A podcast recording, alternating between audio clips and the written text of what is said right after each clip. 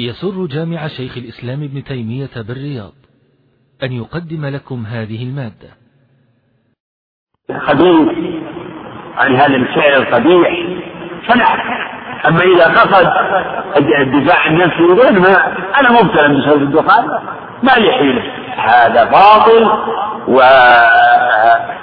ولجوء إلى الاحتجاج بالقدر وهي حجة الشيطان ولا حجة له فيه ولا عذر أبدا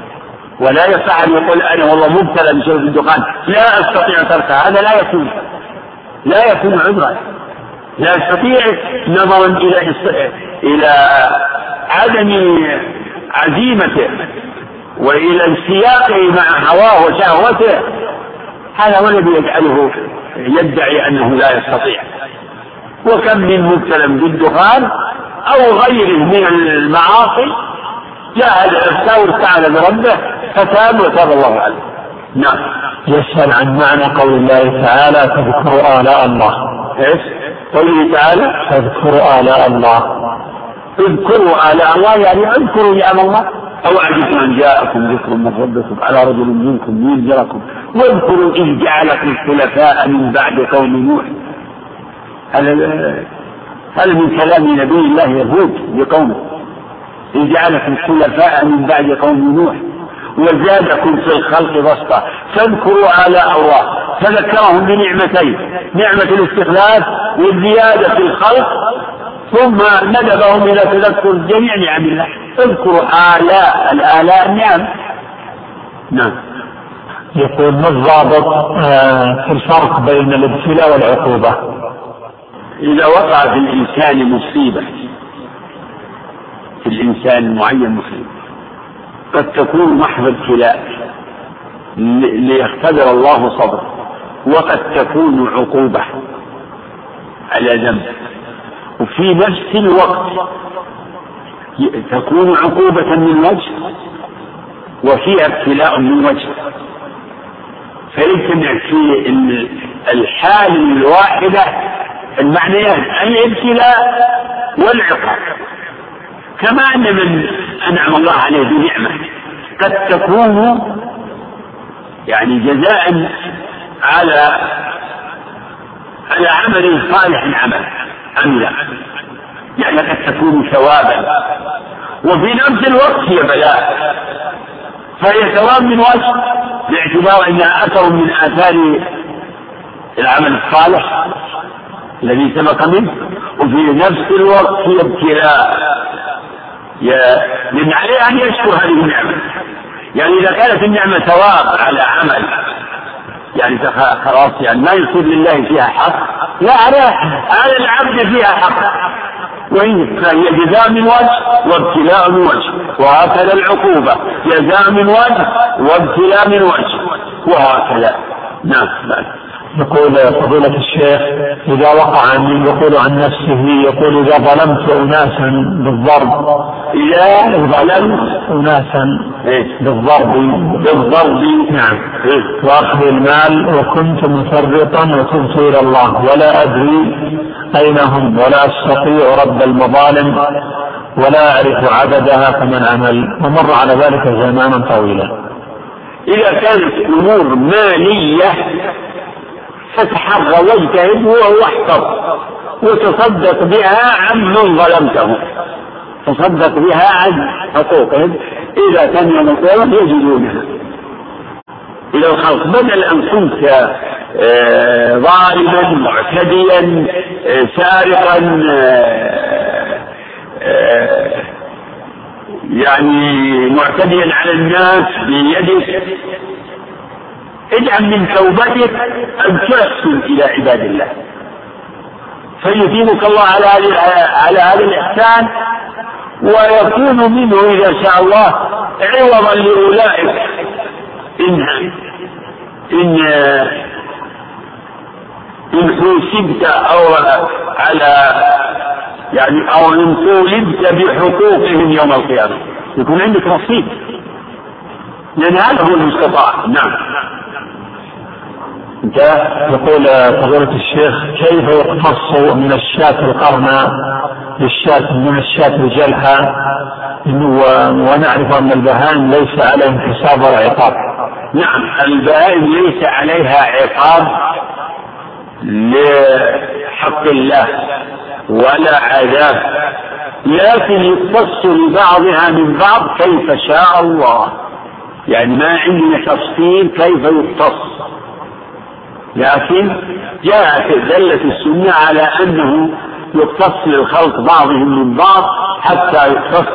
للشاة الجماء من الشاة القرناء يعني التي نضحتها بقرونها والله أعلم كيف يكون هذا الاختصاص هذا اختصاص حقوق كيف يكون هذا لا علم لنا به ونعم ليس لها عقاب هي يعني لا تعذب في النار كما يعذب المكلفون نعم بعد يقول فضيلة الشيخ ما معنى كون الله عز وجل حرم الظلم على نفسه وهل يمكن أن يقع منه ظلم وهو الذي خلق الخلق وهم ملكه فلو فعل بهم ما شاء لم يكن ظالما فما هذا السؤال فيه نظر هذا يختلف الناس في معنى الظلم من الله من الناس من يقول إن الظلم هو التصرف في ملك الغير وهذا ليس بصحيح على الإطلاق فالله تعالى هو مالك الملك فلا نقول إنه يجوز على الله كل ما هو ممكن هذا يقول الجميع يقول ان الظلم في حق الله هو المستحيل المستحيل لذاته كالجمع بين النقيضين يقول هذا هو الظلم كما يقول ابن القيم في الشافعي الكافي يقول والظلم عندهم المحال لذاته أن ينزه عنه بالسلطان لكن الظلم كما تقدم وضع الشيء في غير موضعه فالله تعالى بكمال عدله حرم الظلم على نفسه فلا يضع العقاب على أولياء الذين أمضوا أعمارهم في عبادته ولا يضع الثواب على أو يجعل الثواب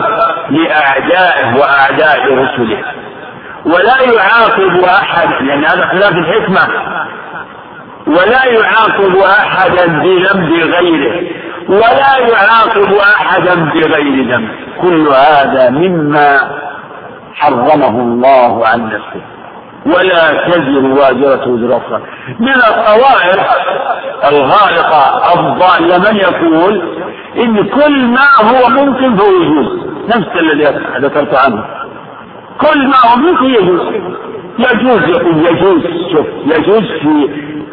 يجوز على الله أن يجعل الأنبياء والصالحين يجوز أن يعذبهم منها ويجعله ويخلدهم في النار هذا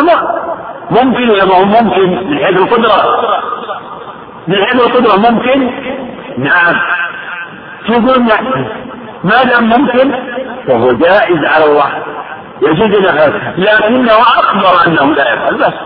يجوز أن يجعل الكفر والطغاة وفرعون وجنوده يجعل يثيبهم يجعلهم في الجنة هذا ممكن من حيث القدرة ويقول هذا جائز لكنه أخبر أنه ينعم هؤلاء ويثيب هؤلاء و... وأما أهل السنة والجماعة فيقولون هذا لا يجوز عليه سبحانه لأنه حكيم حكيم يضع الأشياء في مواضعها فيضع عدله في موضعه وفضله في موضعه فحكمة الله تابى تابى ذلك كل انتباه فقوله إني حرمت الظلم هذا لكمال عدله سبحانه وتعالى وفضله وإن كان قادرا أن يقتضي أنه قادر قادر على أن يظلم ولكنه لكمال عدله لا يظلم بل حرم الظلم على نفسه كما أوجب على نفسه فهو يحرم على نفسه ويكتب على نفسه كما أوجب على كتب على نفسه الرحمة وجعل وجعل يعني حق حقا على نفسه للموحدين حق الله على العباد وحق العباد على الله نعم يقول يوجد لدينا في السكن مصلى هل اصلي في المصلى واخرج المسجد؟ هذا سأل سألني عنه احدكم امس قلت اذا كان المسجد يعني قريب ينبغي ان تصلي في المسجد لا يليق أن تصلوا في البيت والمسلمون في مساجدهم وفي بيوت الله وأنتم آه، مستريحون لستم في سفر آه، يعني يلحقكم بحضور الجماعة مشقة ويؤخركم عن مسيركم فينبغي أن تصلوا في المسجد أما لو كان السكن بعيد هذا له وجه إذا صلى صلوا في شأنهم ومنزلهم نعم آه، يقول هل تنصحون بحفظ هذا المتن؟ الكتاب هل تنصحون بحفظه؟ سبحان الله هذا لا يحتاج الى سؤال هذا ليس كلام الناس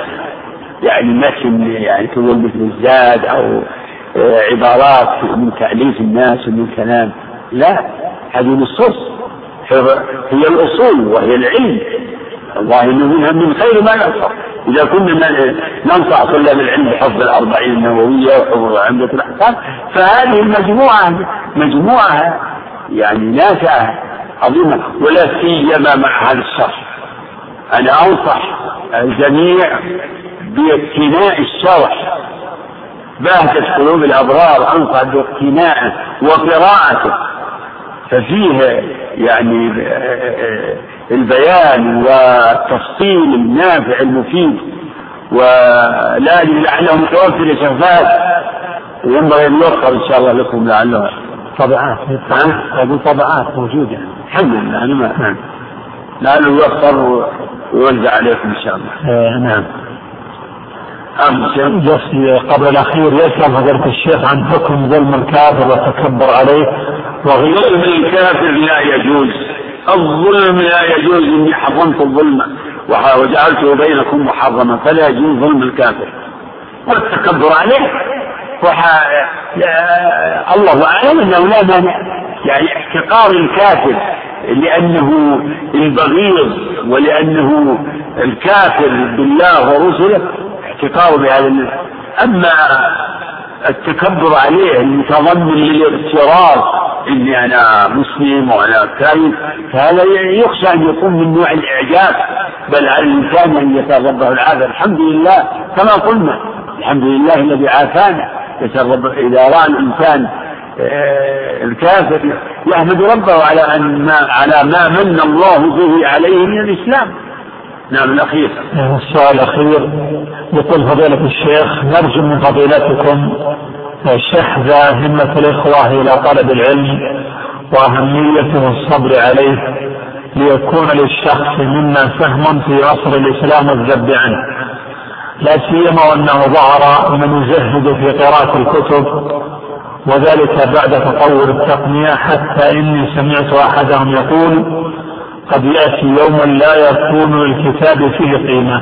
فما تعليقكم على هذا؟ فرق بين طلب العلم وبين مسألة الوسيلة الكتاب وسيلة فالآن الخلاف حسب ما تضمنه السؤال في قضية العناية بالكتاب وأنه الوسيلة الأصيلة الأولى وعدم الزهد فيها أما طلب العلم فهذا ليس محل كلام طلب العلم الموروث عن النبي صلى الله عليه وسلم العلم المستمد من كتاب الله وسنة رسوله هذا هو العلم النافع هذا هو العلم الذي آه، يجب التنافس فيه هذا هو العلم الذي يكون حياة ونورا لصاحبه في الدنيا والآخرة ف... وهذا هو ال... الذي جاءت النصوص في التناهي في الترغيب فيه والثناء على أهله العلم الشرعي أما قضية الوسائل فالأصل أن الوسيلة في تحصيل العلم هي الكتب التي ألفها أهل العلم المعتبرين الموثوقين ثم أيضا الاستعانة آه، على ذلك بالحضور آه، عند من تيسر من أهل العلم الموثوقين في علمهم أو الموثوق بعلمهم ودينهم إلى آخره وأما هذه الوسائل الأخيرة هي وسائل لا شك أنها ميسرة ومعينة ومقربة وفيها سرعة وتجددت الوسائل آه، في الطباعة ووسائل الآن آه، الأنشطة والإنترنت والسيديات وسبحان الله العظيم آه، لكن هذه التي يخشى منها هو قضية الزهد في الحفظ يعني في الحفظ اتكالا على علم الكتب على ان هذه الامور ميسوره بس آه، في يدك الجوال حتى الجوال الان اصبح كمبيوتر توضع فيه مؤلفات وكتب وخلاص كتب الحديث معي لان هذه الاحاديث يمكن يكون قال آه، آه، هي معي الجوال اي حديث ابغاها بس اضغط شيء في هذا الجهاز وأقل لا فرق الحفظ الحفظ الحفظ الحفظ هو هو العلم ومن العيب التزييد في الحفظ وكذلك الكتب الكتب هي الأصل يعني بما توثق هذه التسجيلات بما توثق إنما توثق من المصادر من أصولها من الكتب فلا يوجد في الكفر ثم ايضا التعويل على هذه الاجهزه يجعل الانسان لا قيمه له لو لو فقد هذا الجهاز اصبح ما لا يستطيع ان يستخرج حديث ولا يستطيع ان يخرج مساله من كتاب لانه لا لم يتمرس لم يتمرس في مراجعه المسائل في الكتب فلا ينبغي ان تكون هذه الوسائل التي هي فيها خير كثير ان تكون آه، صارفة عن ممارسة آه، المراجعة مراجعة الكتب والاستفادة منها نسأل الله الجميع التوفيق والإعانة والسلام نعم سلمان بسم الله الرحمن الرحيم الحمد لله رب العالمين والصلاة والسلام على رسول الله وعلى آله وأصحابه أجمعين اللهم اغفر لنا ولشيخنا وللحاضرين والمستمعين برحمتك يا ارحم الراحمين اما بعد قال المؤلف رحمه الله تعالى وعن عائشة رضي الله عنها قالت قال رسول الله صلى الله عليه وسلم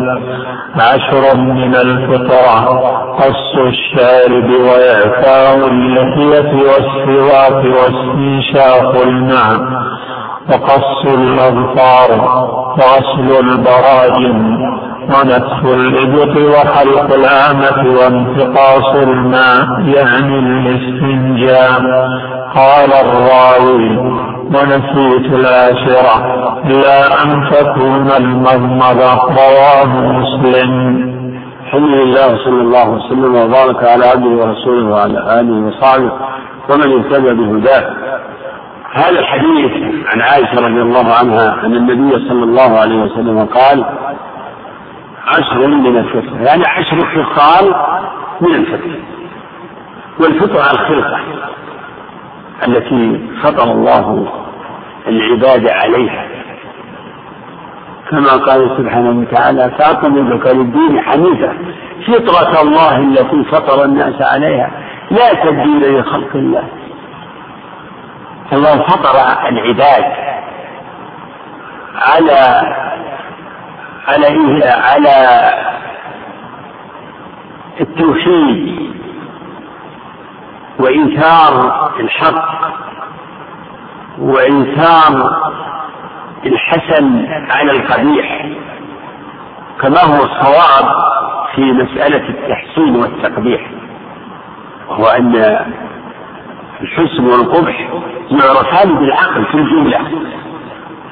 الله فطر العباد على استحسان الحسن الصدق والإحسان والأخلاق الفاضلة واستقباح القبيح كالكذب والعدوان وأحسن الحسنات التوحيد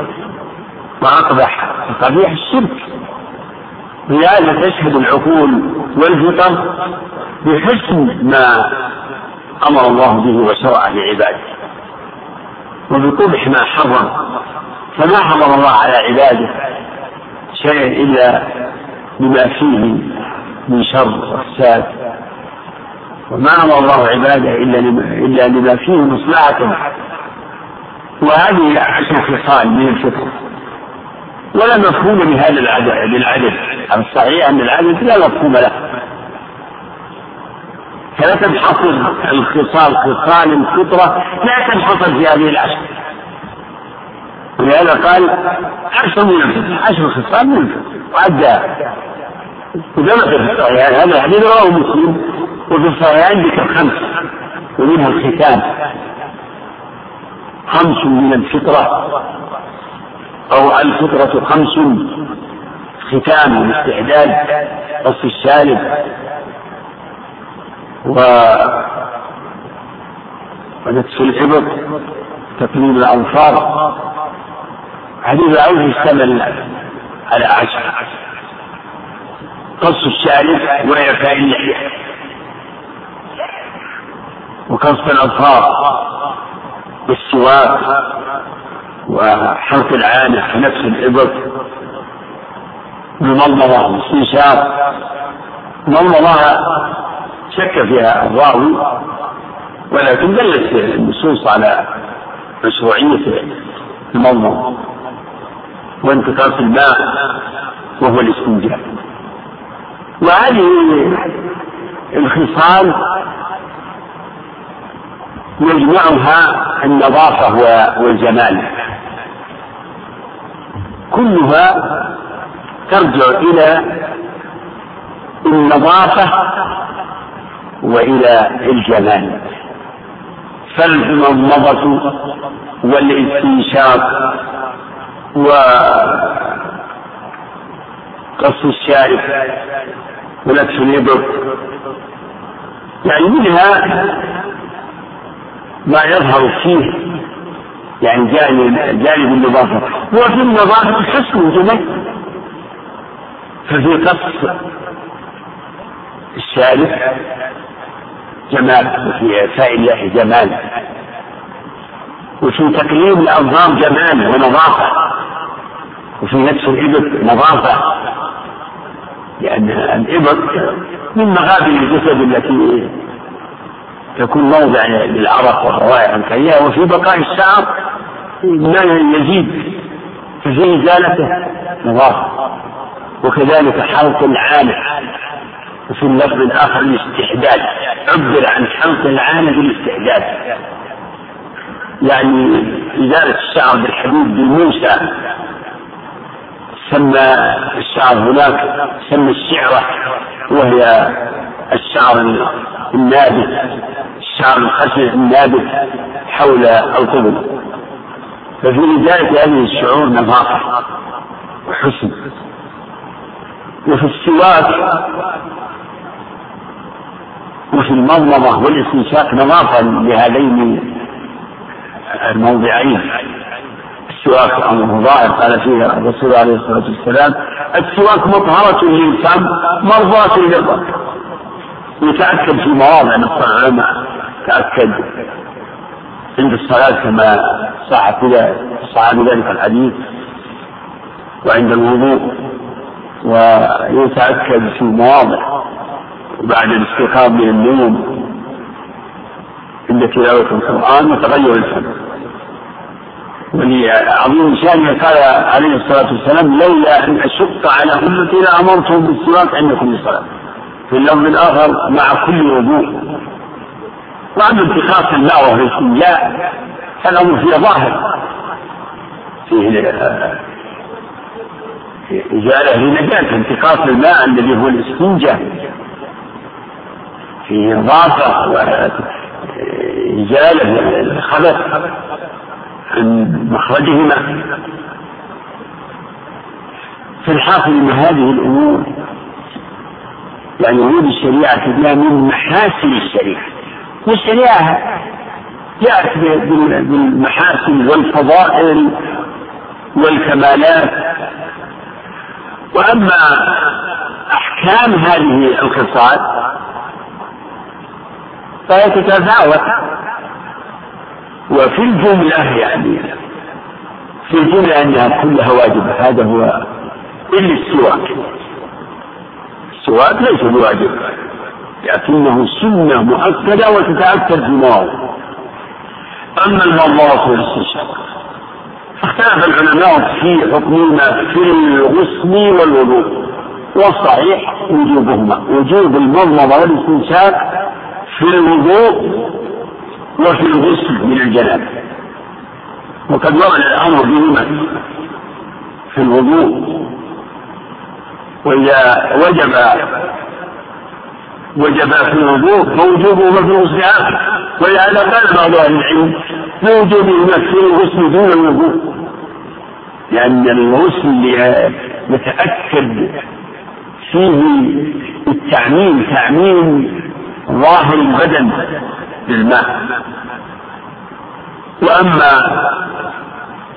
قص الشارع فكذلك واجبان لوجود النصوص الصحيحة الصريحة في الأمر بها كما ثبت في الصحيح أعف اللحى حفظ الشوارب وأعف اللحى خالف للمجوس قص الشوارب وأعف اللحى خالف للمشركين فقص الشارب وإعفاء اللحى واجبان وفيهما من الحسن والجمال ما فيها ولكن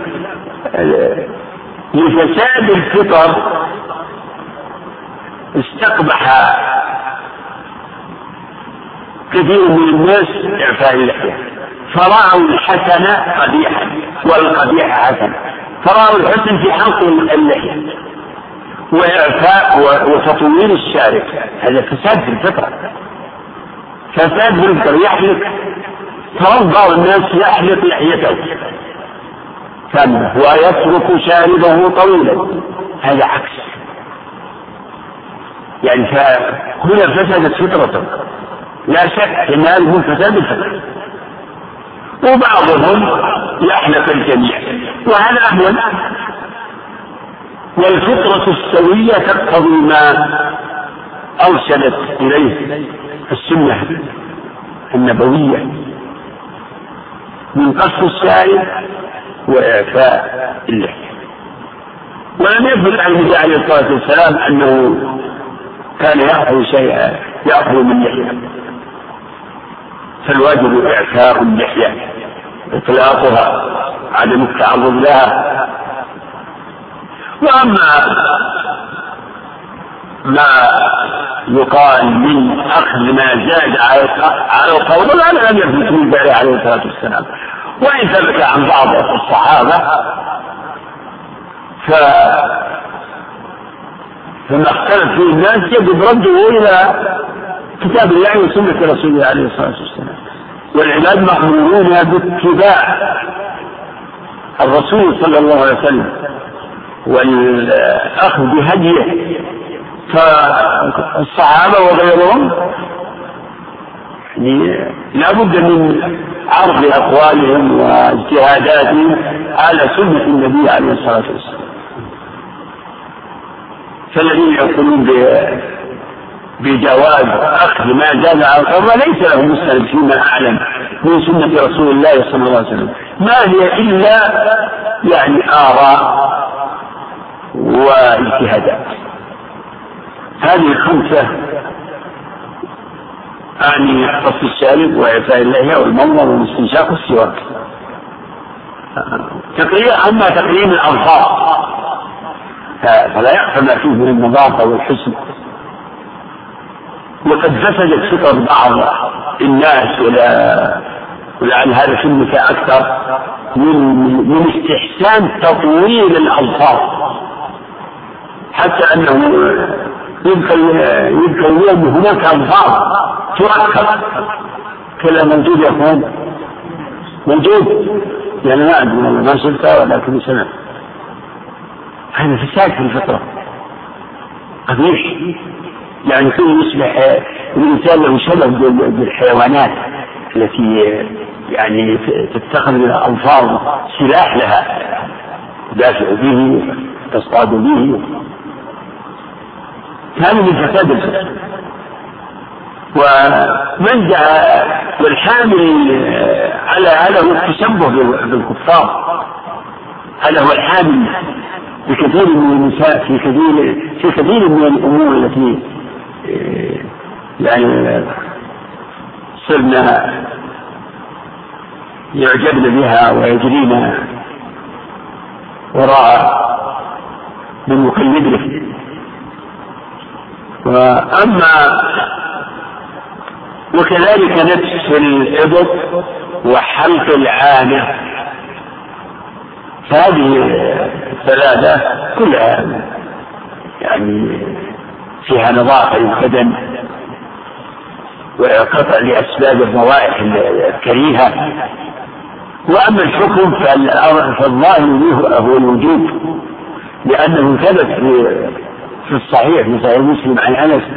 ان النبي صلى الله عليه وسلم كان وقف لنا صلى الله عليه وسلم او وقف لنا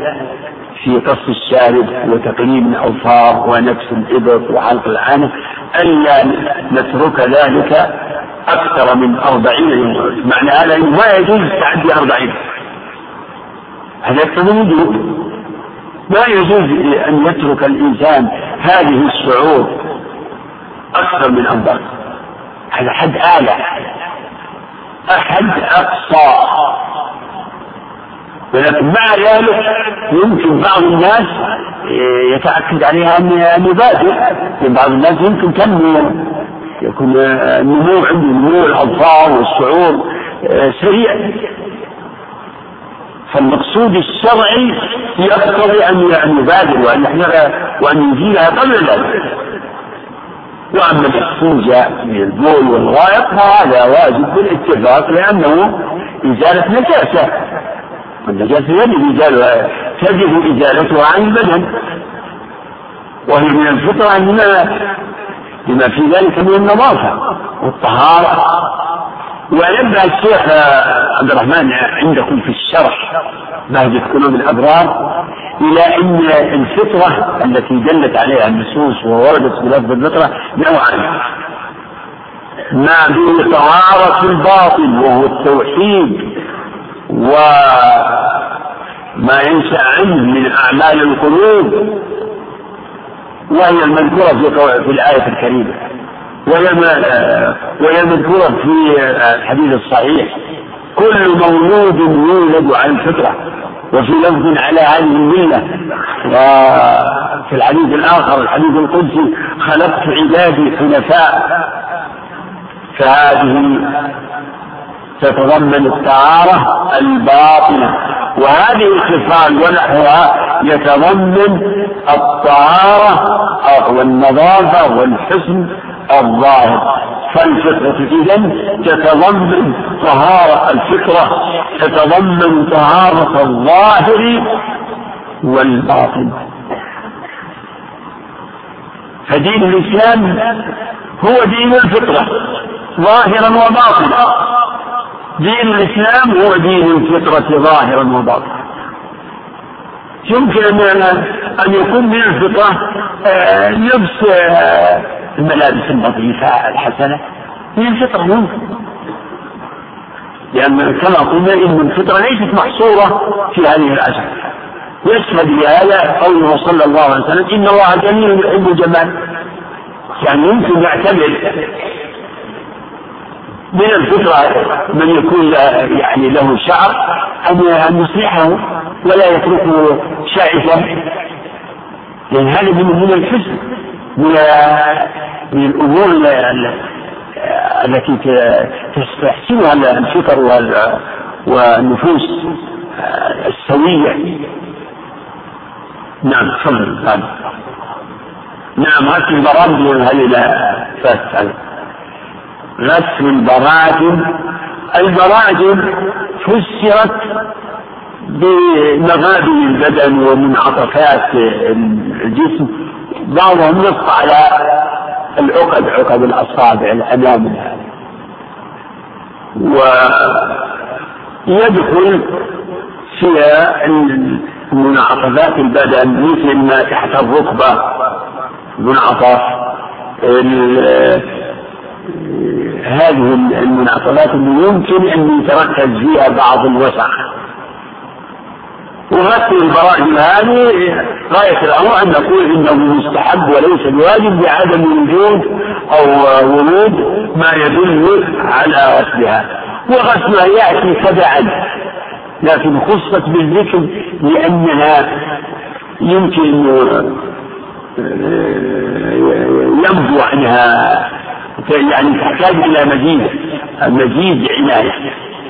هذا ظاهر وإن لا غسلها يأتي في الوضوء يأتي يندرج غسل البراجم في الوضوء يندرج غسلها في الغسل فكأن ذكر البراجم من باب التخصيص بالذكر تأكيدا على العناية بها العناية لا لأنها موضع آه، يمكن أن آه، أقول يتركز فيها آه، يعني العرق ويمكن يجف عليها شيء من الوسخ فقتات إلى مسجد نظر ولهذا جاءت بعض الأحاديث باستعداد التخييم لأن ما بين الأصابع ولا سيما في بعض الأحوال وبعض الناس إيه، تكون الأصابع متطابقة خصوصا أصابع الرجلين منطبق بعضها ببعض في يتأكد من تخليل الأصابع نعم وعن ابي سعيد الخدري رضي الله عنه قال قال رسول الله صلى الله عليه وسلم الماء طهور لا ينجسه شيء رواه احمد والترمذي وابو داود والنسائي فات آه، من خصال الفطره آه، الختان كما جاء في الحديث الصحيح الاخر ولا يخفى ما في الختان من الجمال والحسن والنظافة وكمال الطهارة وهذا وقد صار هذا يعني شعار المسلمين الختان فهو سنة مؤكدة وقال كثير من أهل العلم بوجوبه بوجوب الختان في حق آه، الرجال فهو جاء يعني في نفس المسار يعني من جنس آه، سائر الخصال من جهة ما فيه من آه، الحسن وما فيه من الجمال من النظافة وكمال الطهارة والتخلص لأن القربة قد يتبقى فيها شيء من البول ثم يخرج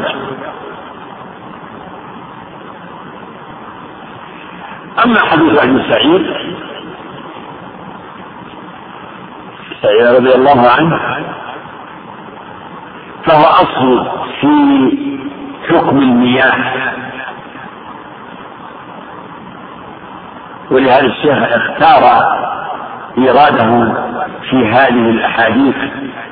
الجوامع في أن النبي عليه الصلاة والسلام قال الماء طهور لا ينجسه شيء وهذا الحديث يعرف بحديث بئر بضاعة لأن يعني سببه أنه سئل عن بئر بضاعة بئر في المدينة تعرف بهذا الاسم قال إنه يستفى لك من بئر بضاعة وهي بئر كذا كيف وكيف يلقى فيها آه، النتن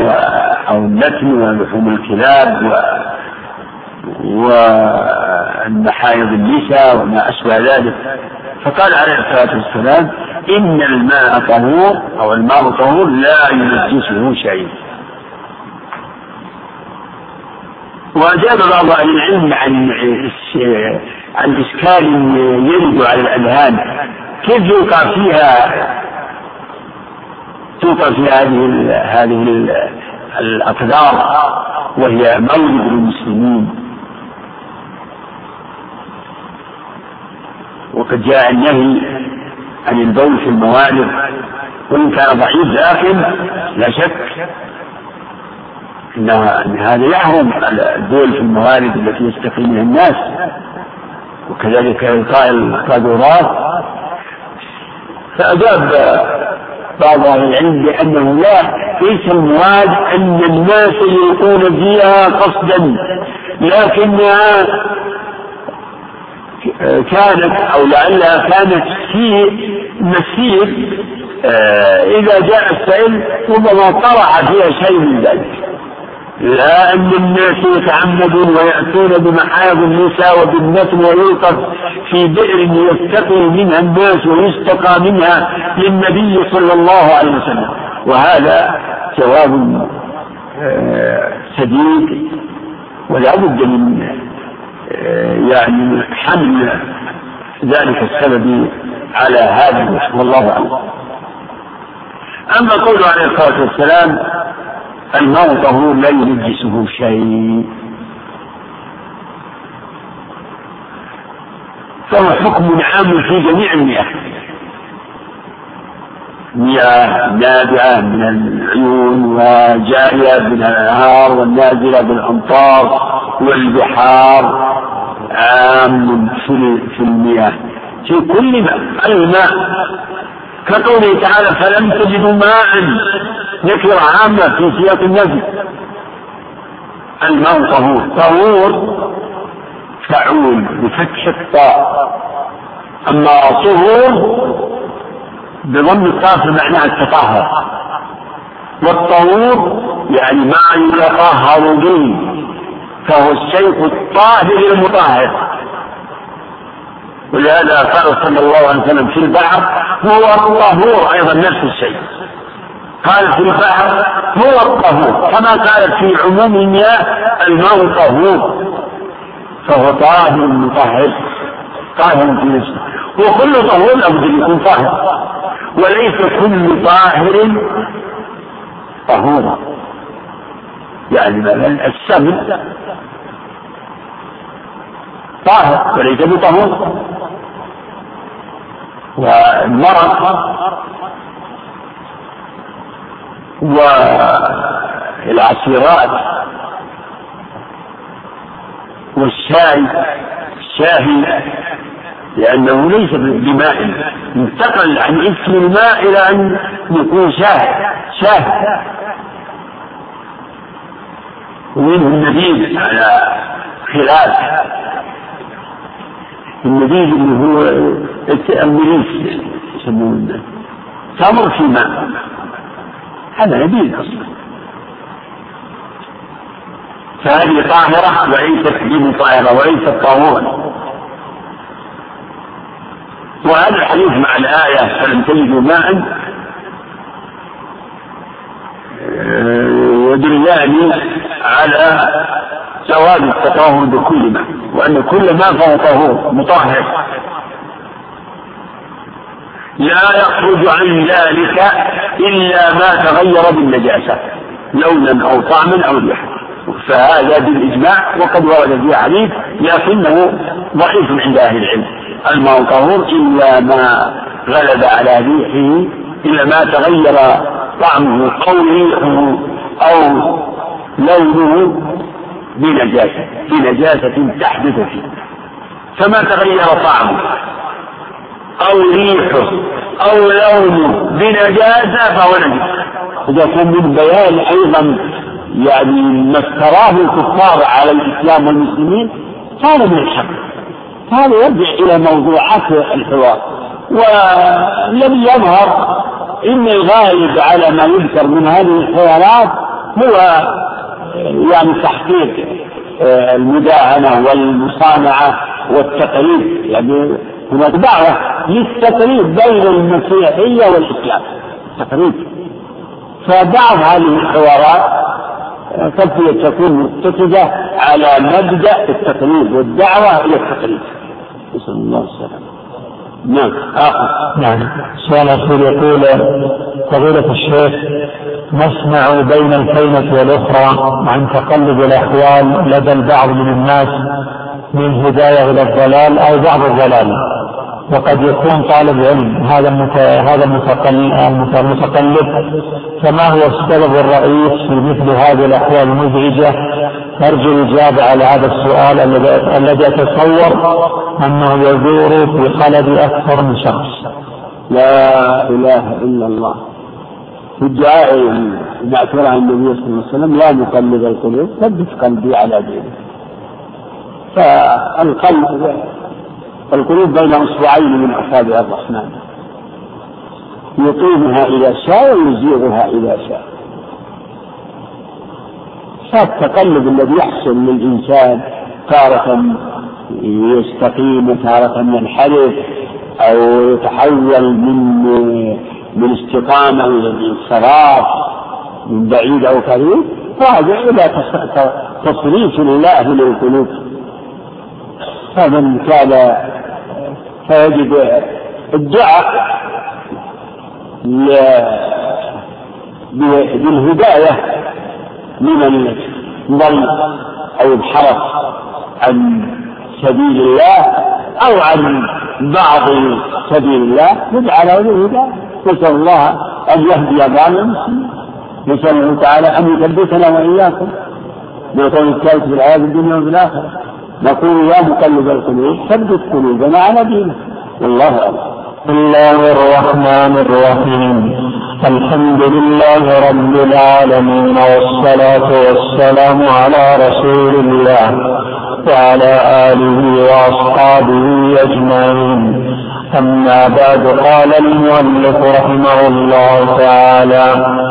وعن عبد الله بن عمر رضي الله عنهما قال قال رسول الله صلى الله عليه وسلم الظلم ظلمات يوم القيامة متفق عليه الحمد لله صلى الله وسلم وبارك على عبده ورسوله وعلى آله وصحبه ومن اهتدى بهداه عن ابن عمر رضي الله عنهما عن النبي صلى الله عليه وسلم قال الظلم ظلمات يوم القيامة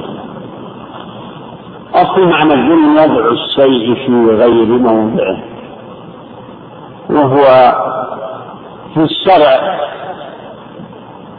اسم لكل ما خالف شرع الله وهو ثلاثة أنواع الظلم الذي هذه حاله فلا ينفي حق الله ولا أقول ولا أقول إنه ظلم لله فلا يقال إن العبد يظلم ربه بمعصيته أو بالشرك لكنه يظلم نفسه في حق في حق الله وما ظلمونا ولكن كانوا أنفسهم يظلمون الظلم في حق الله وهو الشرك وهو أظلم الظلم كما قال تعالى إن الشرك لظلم عظيم ولما نزل قوله تعالى الذين آمنوا ولم يلبسوا إيمانهم بظلم أولئك لهم الأمن وهم مهتدون شق ذلك على أصحاب رسول الله صلى الله عليه وسلم فقال علم لم يغنه نفسه إنسان معرض لظلم نفسه يعني بالمعصية بالمعاصي بالذنوب فبين لهم الرسول عليه الصلاة والسلام أنه أنه ليس الظلم المانع المنافي للأمن والهدى أن إنما المنافي كل المنافات للأمن والهدى هو الشرك فالشرك الشرك هو الذي لا أمن معه ولا هدى نعم كل أمر يفوت قدرا من الأمن والهدى فمن نجا من الظلم كله فاز بالأمن والهدى ومن من السوق الأكبر فله أمن فله مطلق أمن ومطلق هدى لأن لأن التوحيد يحصل به الدخول في الإسلام ويحصل به النجاة من الخلود في النار إنما الخلود ظلم العبد نفسه بالذنوب التي بينه وبين ربه من ترك واجب أو فعل محرم كما قال تعالى ثم أورثنا ثم أورثنا الكتاب الذين اصطفينا ثم أورثنا الكتاب الذين اصطفينا من عبادنا فمنهم ظالم لنفسه ومنهم مستغفر ومنهم سابق للخيرات فالظالم لنفسه هو الذي يترك بعض الواجبات ويفعل بعض المحرمات وفرجا للعباد في دمائهم وأموالهم وأعراضهم كما قال عليه الصلاة والسلام إني في خطبته يوم النعر إن دماءكم وأموالكم وأعراضكم عليكم حرام كحرمة يومكم هذا في شهركم هذا في بلدكم هذا وفي الحقيقة أن كل من أنواع الظلم هو ظلم ظلم من العبد لنفسه ظلم لنفسه الشرك هو أعظم ظلم من الشرك وظلم العباد بأموالهم هو ذهب لكن هذا التصنيف يتبين تبين به الأحكام فللشرك حكم يخصه ولسائر المعاصي حكم يخصه وظلم العباد له حكم هذا ظهر هذا الفرق في في باب التوبة يحتاج إليه في باب التوبة فأما الشرك فلا يغفر إلا بالتوبة إن الله لا يغفر أن يشرك به ويغفر ما دون ذلك لمن يشاء هذه الآية هي في غير التائبين في من, في من لم يتب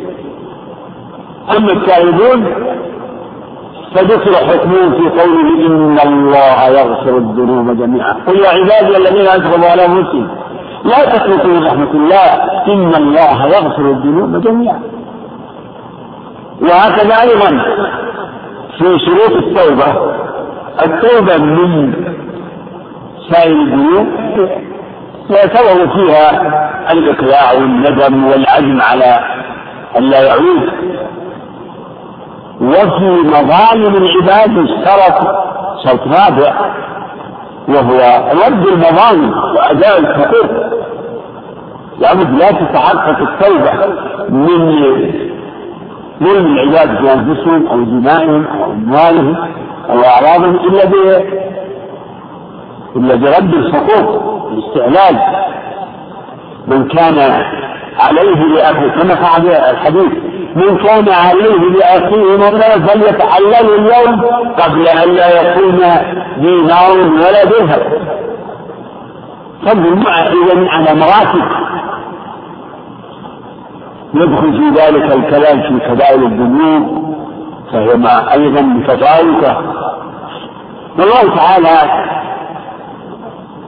قد حرم الظلم على عباده بل حرمه على نفسه سبحانه وتعالى كما في العديد القدسي يا عبادي إني حرمت الظلم على نفسي وجعلته بينكم محرما فلا تظالموا فكون فلا تظالموا يظهر انه اخص اخص بالظلم الذي يكون بين العباد ظلم العباد بعضهم لبعض فلا تظالموا وقد قال سبحانه وتعالى في في ما هو في الشرك وهو افتراء الكذب على الله ومن أظلم ممن افترى على الله الكذب أو كذب بالآية هذا أيضا بدرجة الشرك افتراء الكذب على الله والتكذيب بآيات الله هذا من أظلم الكذب ومن أظلم ممن افترى على الله ومن فمن أظلم ممن كذب على الله وكذب بالصدق إن جاء أليس في جهنم مثوى للكافرين قال تعالى والكافرون هم الظالمون هم الظالمون على الحقيقة الظالمون الظلم الأكبر قال تعالى ما للظالمين من حميم ولا شفيع يطاع وفي هذا الحديث أشار النبي صلى الله عليه وسلم إلى سوء عاقبة الظلم وذلك في قوله ظلمات يوم القيامة الظلم ظلمات يوم القيامة يعني أهله يكونون في ظلمات أهل الظلم يكونون في ظلمات بينما المؤمنون الموحدون أهل العدل والاستقامة في أنواعه والمؤمنين والمؤمنات يوم ترى المؤمنين والمؤمنات يسعدون نورهم بين أيديهم وبأيمانهم فأهل التوحيد وأهل العدل ضد أهل الظلم وعاقبتهم كذلك وقال في في المنافقين والمنافقات بعد الآية السابقة يوم يكون المنافقون والمنافقات للذين آمنوا انظرونا انظرونا يعني حذرونا انظرونا نقتبس من نوركم إن يرجعوا وراءكم فالتمسوا نورا فضرب بينهم بسور له باب باطنه فيه الرحمة وظاهره من قبله العذاب فالتدعون في هم في ظلمات كفر في الدنيا وفي ظلمات ظلمهم في الآخرة فالظلم ظلمات يوم القيامة فلهذا عليه تعبير بالغ من من الظلم وجزاء الله للعباد قائم على العدل فهو سبحانه وتعالى أعدل العدلين لا من مثقال ذرة فهو يجزي العاملين في الآخرة بعدله يجزي المؤمنين بفضله ويجزي أهل المعاصي وأهل الذنب بعدله لا يظلم مثقال ذرة وإن تك حسنة يضاعفها فبهذا يعلم أن هذا الحديث من جوامع الخلق يتضمن التحذير من الظلم كله بأنواعه من جميع الجنود من ظلم العباد ومشروع عند الناس وياتي تخصيص احيانا يعني كما في الحديث الذي ذكرته جعلته بينكم الناس في في عرفهم يخصون الظلم بظلم بعضهم ببعض يكون هذا ظلم فلان ظلم فلانا وهذا حق بظلم يعتدى على الناس في دمائهم ومالهم وأعراضهم هو هو أحد أنواع الظلم ومن خصوصية هذا الظلم أنه كذلك لا ينصر لا بد من استيفاء الحقوق لا بد من استيفاء الاستيفاء يكون من يكون من الحسنات من حسنات العبد كما في حديث المسلس أتدعون من المسلس كما بلى يا رسول الله هو من لا درهم له ولا دينار قال المفلس من ياتي يوم القيامه بصلاه وصيام وصدقه فيأتي وقد ضرب هذا وقد شتم هذا وأخذ مال هذا فيعطى هذا من حسناته وهذا من حسناته فيزيد حسناته أخذ من سيئاته يعني المظلوم بسيئات المظلوم ثم طلها على الله ثم طلها والآيات في كتاب الله في وعيد الظالمين وذم الظالمين ولعن الظالمين ألا لعنة الله على الظالمين كثير ولكن أكثرها في الظلم في حق الله الشرك والكفر وهم في الأولى الظلم الكافرون هم الظالمون الظلم المطلق وكما قال تعالى الذين آمنوا ولم يلبسوا إيمانهم بظلم وجاء عدد الذم العباد في ذكره في, في مثل قوله تعالى وجزاء سيئة سيئة مثله فمن عفا وأصلح فأجره على الله إنه لا يحب الظالمين ولم ينتصر بعد ظلمه ولمن انتصر بعد ظلمه فأولئك ما عليهم من سبيل إنما السبيل على الذين يظلمون الناس ويبغون في الأرض بغيره ومن أعظم ظلم الناس صدهم عن سبيل الله إذا كان يعني من ظلم الناس التعدي على حقوقهم وعلى خصوصياتهم في أنفسهم في أموالهم وفي أعراضهم فكذلك صدهم عن سبيل الله هو أعظم ظلم وهذا ما يفعله الكفار الكفار من من, من أعمالهم الصد عن سبيل الله سيعاقبهم الله بمزيد العذاب كما قال تعالى الذين كفروا وصدوا عن سبيل الله وصدوا عن سبيل الله يعني صدوا غيرهم صدوا في أنفسهم أعرضوا وصدوا غيرهم يعني حرفوهم وصدقوهم الذين كفروا وصدوا عن سبيل الله زدناهم عذابا فوق العذاب بما كانوا يفسدون نعم وعن ابي هريره رضي الله عنه قال قال رسول الله صلى الله عليه وسلم انظروا الى من هو اسفل منكم ولا تنظروا الى من هو فوقكم فهو اجدر ان لا تجدروا نعمه الله عليكم متفق عليه هذا الحديث عن ابي هريره رضي الله عنه ان عن رسول الله صلى الله عليه وسلم قال انظروا الى من هو اسفل منكم ولا تنظروا الى من هو فوقكم فهو اقدر الا تزدروا نعمه الله عليكم نعمه الله يعني نعمه عام في جميع النعم الا تزدروا نعم الله كما قال تعالى وان تعدوا نعمه الله تعدوا نعمه الله لا تحصوها أن لم تعدوا نعم الله لا تحصوها فهو أقدر ألا تزدروا يعني ألا تحتقروا نعم الله التي أنعم بها عليك فذلك من من كفر نعم الله ومن ومن البواعث على الكفر من بواعث كفر النعمة والتقصير في شكرها العبد أن أن يذكر نعم الله هذا مما أمرت به الرسل فاذكروا آلاء الله اذكروا نعم الله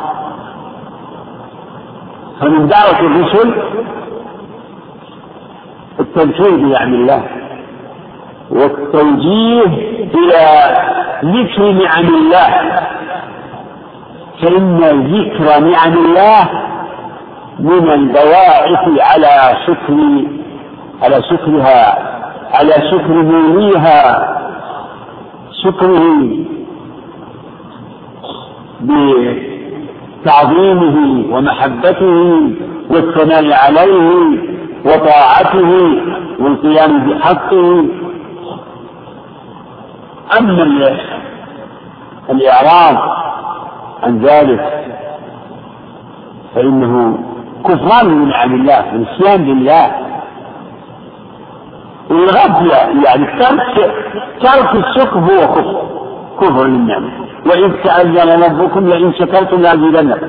ولئن كفرتم إن عذابي لشديد فهما متقابلان فقابل الشكر بالكفر الله تعالى أثنى على الشاكرين فاذكروني أذكركم واشكروني أنا بالشكر اشكروني ولا تكفرون وقال اعملوا آل داود شكرا وقليل من عباد الشكور وقال ولكن أكثر الناس لا يشكرون وفي هذا الحديث إرشاد إلى سبب معين على الشكر إلى سبب من الأسباب المعينة وهو من الأهمية والمكان وهو أن ينظر الإنسان إلى من من دونه ممن فضل هو عليه انظروا إلى من هو أسفل منه يعني إلى من دونكم ممن لم يعطى ما أعطيته ولم يتمتع بما تتمتعون به عام كما قلنا فيه العموم يشمل النعم الدنيوية كصحة البدن وسعة الرزق والولد و وحسن الهيئة والدنيا و و و و حكمة الله أن فاض و العباد فاضل العباد في في عطائه كلا يريد لهؤلاء وهؤلاء من عطاء ربك وما كان عطاء ربك محظورا ورفعنا بعضهم فوق بعض درجات ليتخذ بعضهم بعضا سخريا ورحمة ربك خير مما جاء وما من عبد في حال إلا لو لو فكر وجد من دونه فينبغي للمسلم أن ينظر إلى من دونه إلى من لم يمتع بما متع به هو من نعم فذلك يبعثه على الشكر وهذا واقع مخصوص أنت فعيل إذا رأيت المريض عرفت عرفت نعمة الله عليك المريض أو المصاب بشيء في بدنه ينظر إلى من دونه فتهون عليه المصيبة تهون عليه المصيبة فهذا أمر يعني يدركه كل إنسان عاقل يشهد بذلك الواقع انظروا إلى من هو أسفل منه إذا يعني تعلم الإنسان من حال من حاله مثلا في صحته أو في همومه أو في ماله ليتألم من حاله في شيء من هذه الأمور فليتدبر عامله من هو عليه المصيبة فيبعث ذلك على الصبر وعلى الشكر على الصبر على ما ابتلي به وعلى شكر ما انعم الله به عليه وعلى شكره سبحانه وتعالى ان آتاه مما هو أعظم مما هو فيه من بلاء هذا في الأمور الدنيوية ظاهر الصحة والمال والولد وما يتعلق بمصالح الدنيا من مطاعم ومشارب وملابس ومراقب كل هذا يعني التفاضل موجود هذا ظاهر ان ان على الانسان ان ينظر الى من هو دونه الى من هو اسفل منه فذلك من البواعث على القناعه والطمانينه والشعور بالغبطة والعامل على استعظامها النعمة التي يتمتع بها الحمد لله لكن في الأمور الدنيوية الدينية هل هذا يعني معتاد يعني مطلوب أن ينظر الإنسان إلى من هو أسفل منه هذا في الحقيقة محتمل ولكن الأمر يحتاج إلى تفصيل فإن نظر الإنسان إلى من دونه في أمر الدين يعني الإنسان له فيه حالة إما أن يكون نظره باعثا له على شكر الله على ما تفضل به عليه فهو ينظر إلى من ابتلي بالمعاصي الفجور و وهو معافى من ذلك من بنعمة الله الحمد لله الذي عافاني الحمد لله الذي عافاني مما ابتلي به هؤلاء فيغتبر هذا حق وأما إن كان نظره إلى هؤلاء يوجب له الإعجاب بنفسه والقناعة بما هو فيه فلا يطلب الأفضل فهذا منع قاصر ومدخل للشيطان يمنع صاحبه من المنافسة في الخير والتقدم والمسارعة في الخيرات الحمد لله يقول ناس في ناس ما يصلون أبد هل يقرأ انه يصلي في البيت يقول يقول أنا يعني أنا بخير سيرضى عن نفسه ويستغفر الذنوب التي عنده يستغفر ذنوبه إذا رأى مثلا من ابتلي بالكبائر الفواحش العظام الحمد لله أنا بخير فإذا كان نظره إلى من دونه يعني يوقفه في بهذا الموقف فهذا نظر سيء لأنه يوجب له آه، استصغار الذنوب التي عنده واستعظام العمل واستكثار عمله يستكثر عمله فلا يناسب أهل تقدم أهل السبق وأهل المسارعة في الخيرات ما يتقدم فهنا عليه أن ينظر إلى من هو أسفل باعتبار وينظر إلى من فوقه باعتبار أعلي في أمور الدين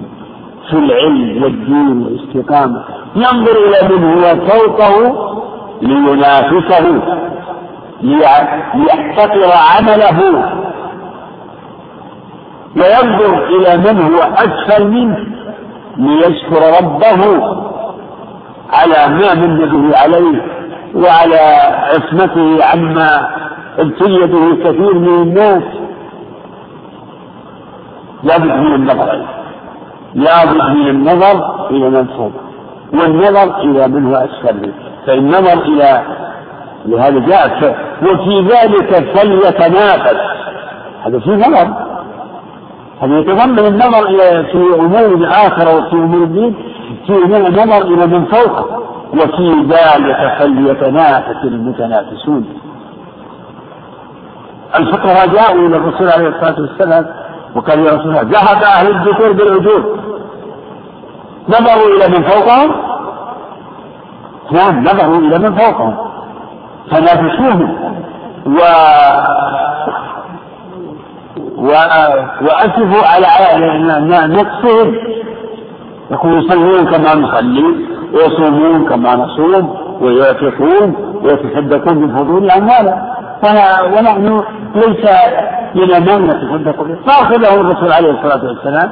إلى ما كان من التسبيح والتحديد والتكبير دبر كل صلاة معناه أنهم نظروا إلى من فوقهم ولم ينظروا إلى من هو أسفل منهم فيقنعون الله ويقول الحمد لله أنا أحسن من غيرنا والشيخ عبد الرحمن رحمه الله مشى على أن الحديث عام ولكن في أمور الجملة كما قلنا الأمر واضح ولا ولا يحتاج إلى تقييد ولا تفصيل أما في أمور الدين فلا بد من هذا التفصيل في في أمور الدين آه، وما نظر نظر إلى من ينظر الإنسان إلى من فوقه ومن سجل عليه فيغبطه لا يغبطه بمعنى انه يريد يريد ان يكون مثله لا حسد الا بابنتين رجل اتاه الله القران فهو يقوم به اناء الليل واناء النهار ورجل اتاه الله مالا فهو ينفق منه اناء الليل واناء النهار هذا فيه منافق حسب الغبطة تضم النظر الإنسان إلى من فوق ففي الخير وفي الدين وفي العلم هذا محمود سابق السباق معناه في منافق سابق إلى مغفرة من ربكم وجنة عرضها كعرض السماء والأرض والله تعالى حكيم عليم فاضل بين عباده في في جميع الأمور فاضل بينهم في, في العلم في العقول وفي وفي الدين وفاضل بينهم في الحضور الدينية والدنيوية فاضل بين الخلق ونبدأ إلى ذلك في كتابه والله تعالى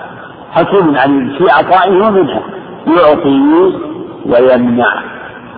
بحكم لا مانع لما أعطى ولا معطي لما منع فإذا نظر الإنسان إلى من فوقه في ما سجل عليه من الأمور التي يطلب تطلب المنافسة فيها عليه انه ينافس يجاهد نفسه ويسأل ربه من فضل يسأل ربه من فضل للرجال نصيب مما اكتسبوا وللنساء نصيب مما اكتسب واسألوا الله من فضله يعني في آه،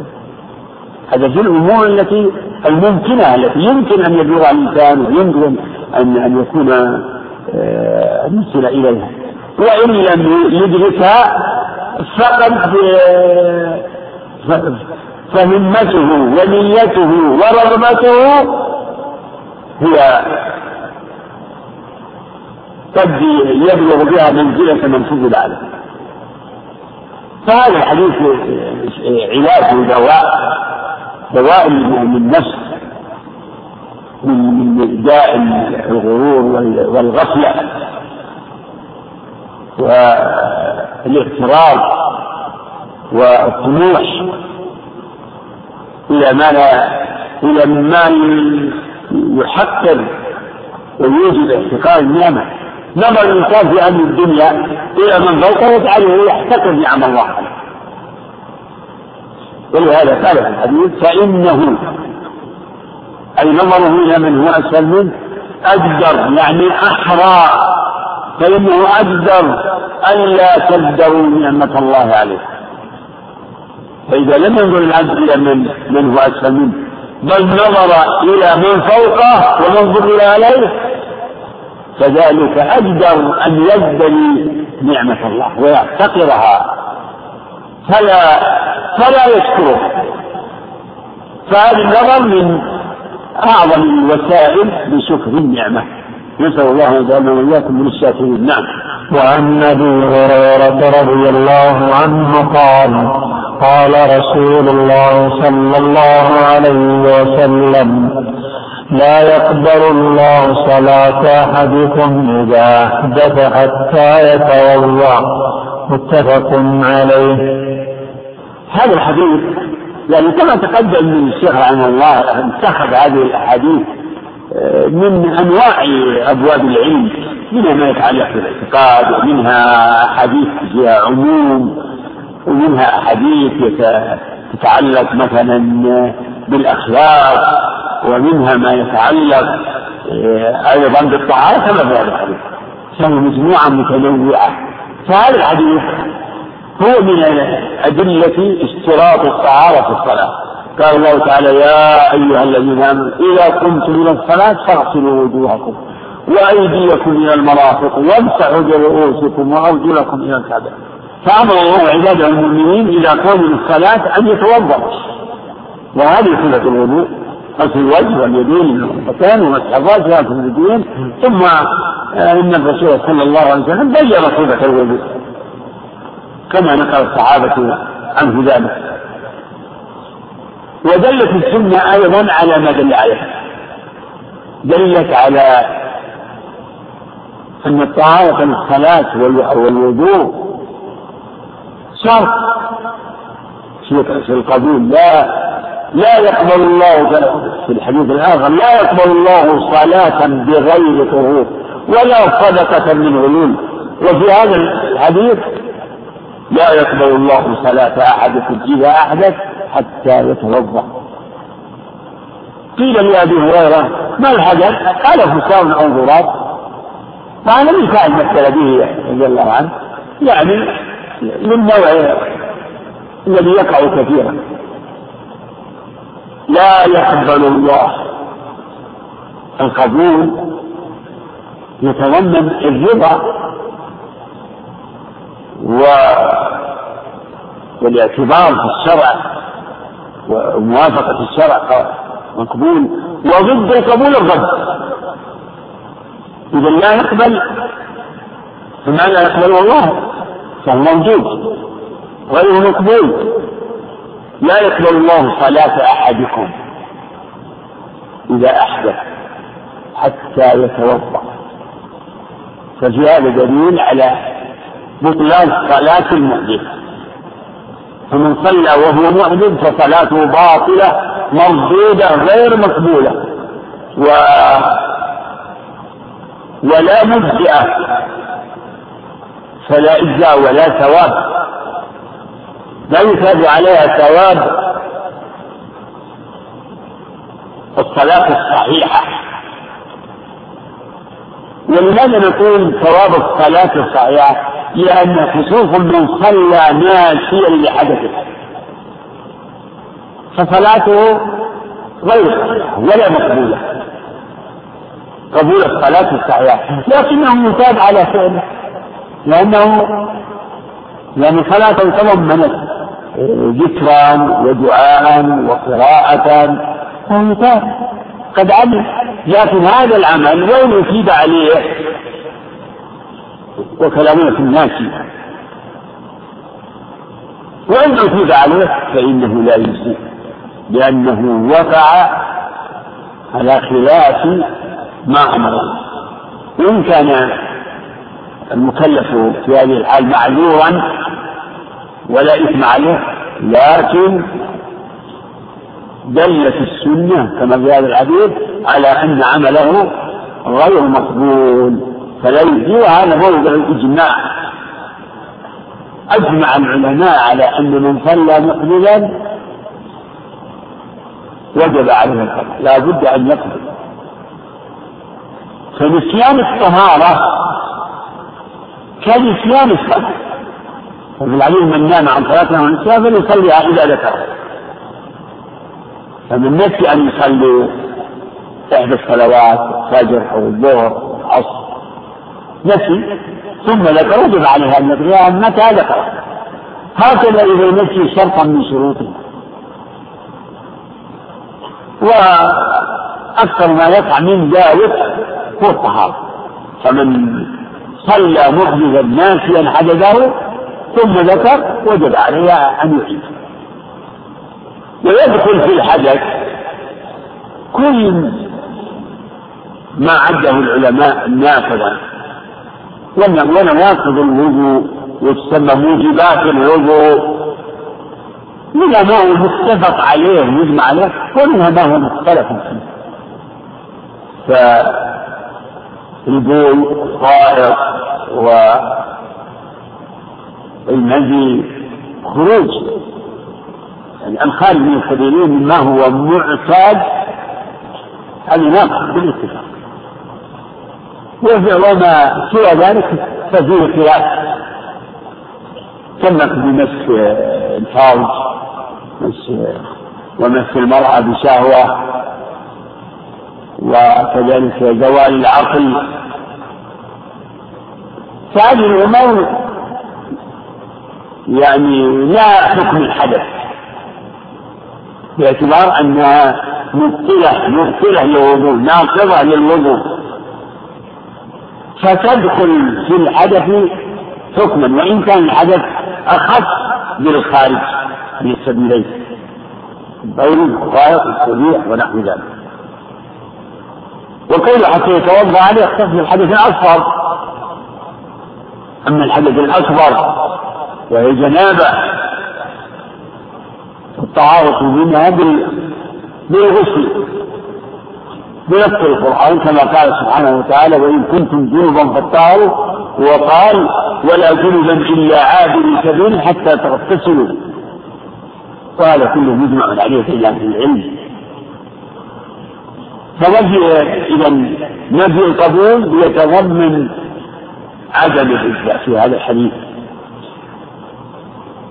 بخلاف ما ورد في أمور ورد فيها نفي القبول مثل من أتى سائلا فسأله لم تقبل له الصلاة أربعون يوما فنفي القبول هناك هي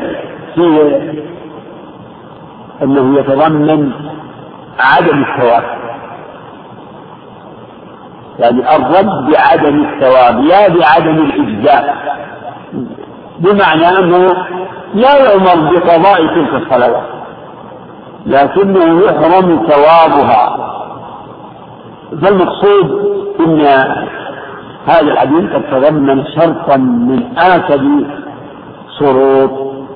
الصلاة الصلاة سواء كانت فرضا أو نفلا لا يقبل الله صلاة أحد سواء كانت سريره أو نفلا وكل حتى يتوضأ هذا مقيد بما فيها وجد الماء قدر الإنسان عن استعماله أما من لم يجد الماء أو لم يقدر على استعماله فالله قد بين حكم ذلك في نفسه آية الوضوء حيث قال أو جاء منكم الغائط أو لابسوا النساء فلم تجدوا ماء فتيمموا صعيدا طيبا وجاء النبي عليه الصلاة والسلام أنه قال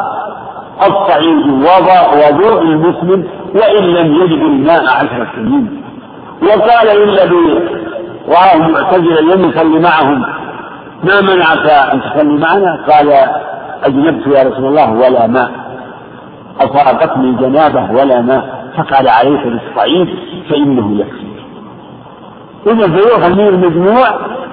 أنه أن قوله عليه الصلاة والسلام لا يقبل الله صلاة أحدكم إذا أعدت حتى يتوضأ يعني أو يتيمم إذا لم يجد ماء أو لم يستطع استعماله فالتيمم قائم مقام الوجود في ومقام الغسل عند عدم الماء أو عند العجز عن استعماله. نعم إلى هنا يا شيخ بارك الله فيك. فضيلة الشيخ يقول يسأل عن المقولة السائدة بين الناس أو عند كثير من الناس أنه يقول أنا مبتلى بشرب الدخان يقول مع أن الأعمال هنا ليست حتمية عليه شكر الله لفضيلة الشيخ على ما قدم وجعله في موازين حسناته والسلام عليكم ورحمة الله وبركاته